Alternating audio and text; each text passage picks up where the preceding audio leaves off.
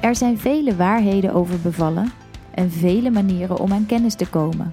Je kunt een boek lezen, een cursus volgen of een opleiding doen. We baseren ons daarin graag op cijfers, wetenschap en protocollen, oftewel evidence-based medicine. Maar hoe vertaal je dat nou naar wat belangrijk is voor jou? Wil je een echt beeld krijgen over de geboorte, dan is het heel simpel. Luister.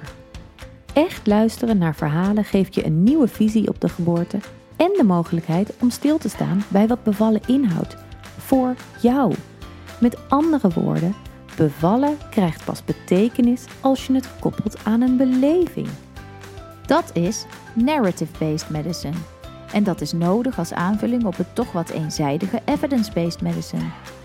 Als je één geboorte bekijkt vanuit de beleving van de zwangere en diens partner, zoals in een geboorteverhaal, dan krijg je een rijk beeld van de varianten van een bevalling, wat je nieuwe inzichten oplevert over de verwachtingen, de vreugde, de pijn, teleurstellingen, intimiteit en ondersteuningen rondom de geboorte.